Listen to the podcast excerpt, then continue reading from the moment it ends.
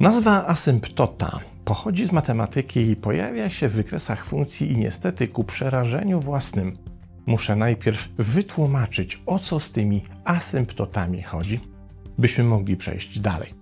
A chodzi o tak zwane granice nieskończone funkcji, czyli taką wartość, do której osiągnięcia wynik funkcji coraz bardziej się zbliża, ale nigdy jej nie przekracza. Czyli upraszczając, niech matematycy mi wybaczą. Im więcej miejsc po przecinku byśmy nawstawiali do obliczeń, im bardziej dokładnie byśmy chcieli daną funkcję policzyć, tym jej wynik będzie się bardziej zbliżał do na przykład liczby 1, ale nigdy jej jednocześnie nie osiągnie. Powiedzmy, że wytłumaczyłem. Jednak dla naszych potrzeb zapamiętajmy jedno. Asymptotą w uproszczonym psychologicznym kontekście określana jest taka granica podejmowanych działań, po której przekroczeniu zwroty z energetycznej inwestycji zaczynają być coraz niższe i coraz bardziej nieadekwatne do włożonej w te działania energii. W tym znaczeniu asymptoty wymieniane są na przykład przez badaczy procesu uczenia się. Tutaj spróbujmy pokazać to na przykładzie. Oto wyobraźmy sobie gitarzystę, który uczy się tak zwanych przelotów pentatonicznych, czyli zaiwaniania palcami po gryfie gitary w te i z powrotem, grając wyłącznie dźwięki pięciostopniowej skali po kolejnych oktawach, od najniższych możliwych dźwięków na gryfie po najwyższe i z powrotem. Teraz dajmy na to, że nasz delikwent ćwiczy tak przez miesiąc po 5 godzin dziennie.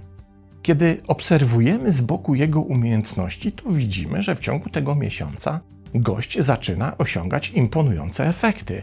Coraz rzadziej się myli coraz precyzyjniej trafia we właściwe dźwięki, a cała skala pentatoniczna wychodzi mu coraz płynniej. Powiedzmy, że po miesiącu tej charówy nasz gitarzysta opanował pentatonikę w taki sposób, że grają z zamkniętymi oczami, nawet kiedy wkurzona żona grozi rozwodem, a niewyprowadzony pies zaczyna lać mu w trakcie grania na spodnie. Ale pomimo całkiem niezłego opanowania tego ćwiczenia, gość nie ustaje w wysiłkach i kolejny miesiąc zaiwania po gryfie. Przypomnijmy, po 5 godzin dziennie. My zaś jako zewnętrzny obserwator tego procesu zauważamy, że wzrost umiejętności i owszem wciąż się pojawia, ale jego tempo wyraźnie zwolniło. Kiedy delikwent spędza trzeci miesiąc katując gitarę i swoje palce, zewnętrzny obserwator widzi, że zmiana, która nastąpiła w jego umiejętnościach, staje się coraz to mniej zauważalna. Możemy więc powiedzieć, że w tym trzecim miesiącu morderczy wysiłek katowania gryfu przynosi już tak niewielkie zmiany w jego technice gry, że zaczynamy uznawać, że tenże wysiłek przestał być adekwatny do osiąganego rezultatu. Innymi słowy, tak niewielki rezultat został okupiony olbrzymim wysiłkiem, który nie jest tego rezultatu wart. Przy czym dodajmy, pan gitarzysta nie szykuje się na Mistrzostwa Świata w pentatonice, a jedynie chce zaimponować kumplom z garażowego zespołu, po czym pojawia się na próbie z opuszkami palców twardymi jak pancerz rudego 102 i okazuje się, że zawala pierwszy numer, bo ma problem, by zmieścić się w takcie z przekładkami akordów, bo tej sztuki przez ostatnie miesiące akurat nie ćwiczył. Efekt asymptoty więc w procesie uczenia się to ten moment, w którym wysiłek wkładany w naukę przestaje przynosić adekwatne efekty. Skoro już wiemy, na czym polega ten efekt w uczeniu się, to spróbujmy go pokazać na innym polu. Wyobraź sobie, że bierzesz teraz kartkę papieru i Twoim zadaniem jest rozpisanie planu Twoich zajęć na jutrzejszy dzień, przy czym czas wyznaczony na to zadanie to pół godziny. Zaczynasz więc rozpisywać w punktach czynności, które planujesz. Okazuje się, że napisanie najważniejszych z nich zajmie ci powiedzmy 5 minut, po którym to czasie Twój plan jest z grubsza gotowy. A zostało jeszcze 25 minut przeznaczonego na to zadanie czasu. No dobrze, to może jeszcze doszlifujmy plan. Ile więc zajmie Ci to doszlifowanie i rozpisanie na przykład czynności towarzyszących? Powiedzmy, że kolejne 5 minut. A co z pozostałymi 20? Można i owszem przeznaczyć ten czas na rozpisywanie sekwencji ruchowych, czyli planowane jutro zaparzenie sobie herbaty, rozpocząć od opisu wyciągam rękę z kieszeni, rozglądam się za kubkiem i tak dalej. Ale czy to cokolwiek zmieni? Czy jeśli przez kolejne 20 minut będziesz główkować nad tym, co by tu jeszcze do tej kartki dopisać, to spowoduje jakąś wyraźną różnicę w Twoim planie dnia? I owszem, plan będzie profesjonalny, doskonały i w diabły szczegółowy, ale czy aby na pewno musi taki być? Już się orientujemy, że te 20 pozostałych minut jedynie zbliżają nas do czegoś, do czego tak szczegółowe zbliżenie nie jest nam potrzebne, a jedynie marnuje naszą energię, przynosząc w zamian zbyt małe efekty, by taki wydatek energetyczny i czasowy był uzasadniony. Teraz drugie ćwiczenie. Weź tę samą kartkę i narysuj na niej linię czasu od zera na początku do 30 minut na końcu linii i spróbuj się zastanowić, gdzie na tej linii znajduje się punkt w kontekście poprzedniego zadania z planowaniem dnia, do którego włożona w zadanie energia była adekwatna, a po którym już tak naprawdę sprawy nie posuwały się wyraźnie do przodu. Nie ma znaczenia, czy uznajesz, że to była piąta czy siódma minuta zadania.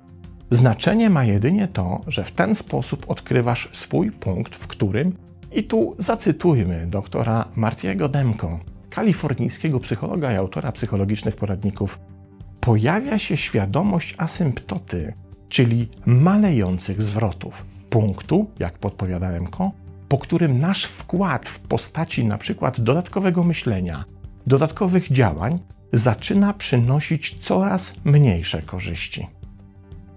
Efekt asymptoty jest obecny w naszym życiu dużo częściej niż nam się wydaje, ale na użytek tego mini wykładu postanowiłem pokazać go w jednym obszarze, ale niestety coraz częściej się pojawiającym. Oto wyobraźmy sobie osobę, która postanawia oddać się rozwojowi duchowemu. Rozgląda się po otaczającym świecie, szukając inspiracji podpowiadających, w którym kierunku najlepiej swój rozwój popchnąć. Do jej rąk trafia książka, dajmy na to któregoś ze wschodnich mistyków, którego nauki spisano, byśmy po kilkuset latach mogli z nich również skorzystać. Ta osoba czyta więc tę książkę z wypiekami na twarzy i mówi: O, ale super, to jest to, czego mi było trzeba. Następnie, w trzy tygodnie później, bohater naszej opowieści trafia na kolejną książkę.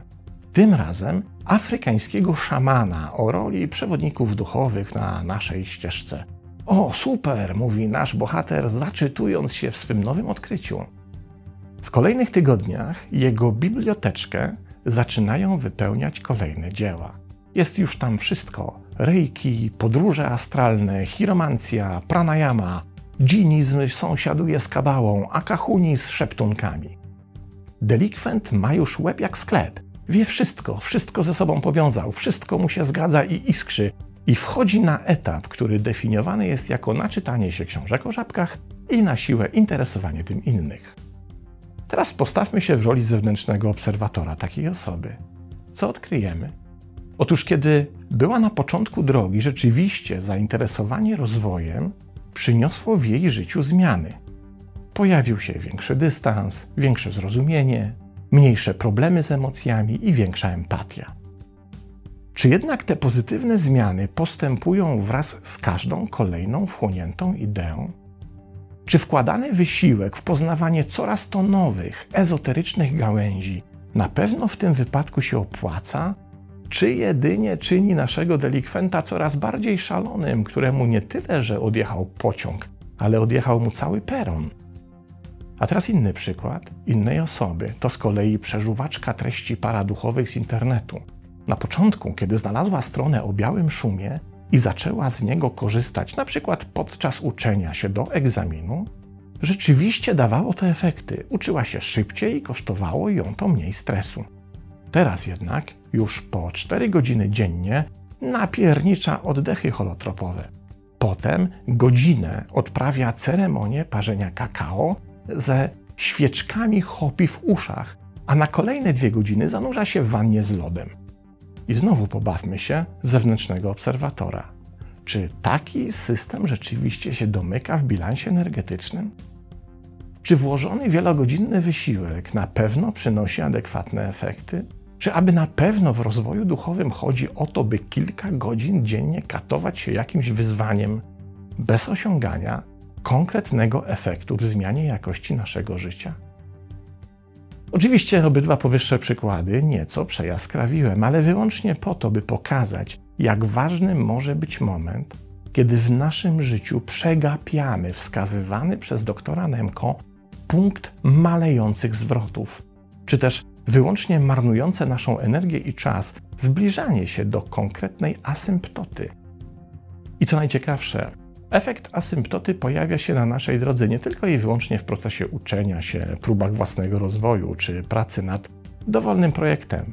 Od tych najprostszych, jak pisanie planu zadań na kolejny dzień, do tych bardziej skomplikowanych, jak próba osiągnięcia dużego kudłatego celu. Efekt asymptoty pojawia się również w naszych relacjach, na przykład wówczas, kiedy wkładany olbrzymi wysiłek w ich utrzymanie z czasem przynosi coraz to mniej wyraźne efekty. W naszej karierze zawodowej, kiedy nasze starania i wypruwanie sobie zawodowych flaków posuwają nas do przodu o zbyt mało wyraźny odcinek w stosunku do włożonej energii, Niestety tego efektu nie da się z życia pozbyć, bo życie, jak i matematyka nieubłaganie rządzą się swoimi zasadami. Naszą rolą zaś pozostaje to, by naszych asymptot po prostu nie przegapiać, bo kiedy się pojawiają, są najlepszym wskaźnikiem tego, że coś ewidentnie robimy nie tak i czas przestać, zawrócić, czy zacząć po prostu z innej strony od nowa. Inaczej cała masa naszej życiowej energii staje się tak naprawdę mało produktywnie tracona. Pozdrawiam.